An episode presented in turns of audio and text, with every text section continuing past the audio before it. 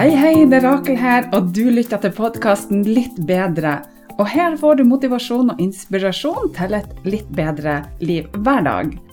Det er ofte ikke de store tingene, men de små som skal til for at du skal prestere bedre, sove bedre, få mer energi og overskudd. Ja, you name it. Her skal du få spiselige tips som du kan bruke direkte i hverdagen. Trekk pusten, senk skuldrene og tenk at dette er dine minutter sånn akkurat nå. Woohoo! I dag er første dag på manifesteringschallengen, og det er mange, mange hundre påmeldte. Så bli med du også, det er gratis. Og jeg deler med deg hva du bør og ikke bør gjøre dersom du skal bli rå på å tiltrekke deg det livet som du ønsker deg. Det er super, superkult. Så klikk på linken som følger med, og så sikrer du deg din plass. Velkommen så masse til dag nummer 22 på Den magiske reisa, og igjen, tusen hjertelig takk for at du er med.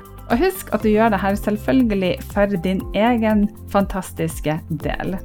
Den magiske reisa er en selvutviklingsreise på 31 dager med små mentale daglige oppgaver som tar kun noen minutter av dagen din, og som kan gi deg fantastiske helsegevinster Sånn som mer overskudd, energi, du kan sove bedre, få bedre selvtillit og alt du trenger for å ha et godt liv. Du trenger ikke å høre på de andre dagene for å få godt utbytte av dagens oppgave, og du kan når som helst gå fram og tilbake til de ulike oppgavene og dagene, og du vil uansett få masse igjen for det. Lover. Ok, over til dagens oppgave. Så stikkordet i dag er den magiske planten. Å, jeg elsker denne oppgaven her. Veldig mange opplever stress og bekymringer i hverdagen. Det kan være på jobb, det kan være hjemme, i butikken eller på en annen plass. Og stress og bekymringer det påvirker oss negativt, og det kan få oss til å tenke uklart. Vi har vel alle noen teknikker som kan skape mer fred og harmoni i hjertet, og jeg skal komme med et forslag til deg som kan redusere stress hos deg og inne i hjertet ditt. Men først skal jeg fortelle deg en historie fra en avis som jeg leste for lenge siden. Dette var bladet Lifestyle Magazine med Lene Fjellheim. Og her er historien. Det var en toppleder som hadde med seg en konsulent som skulle bistå under tøffe forhandlinger og omstillinger. Og dagene de var fulle av masse telefonsamtaler, møter, frustrerende folk og masse mas og kjas. Og måltidene som de hadde, ble fortært stående mellom møter, og etter tre tøffe dager så sier lederen til konsulenten at i dag så har jeg lova kona og ungene å komme hjem og spise middag, og du er hjertelig velkommen til å bli med meg. I taxien på vei hjem til lederen så sitter begge i vektige telefoner. Og utenfor døra, når de kommer til lederen, så står det et vakkert lite tre, og konsulenten Legg merke til at lederen rører på greinene før han åpner døra til sitt hjem.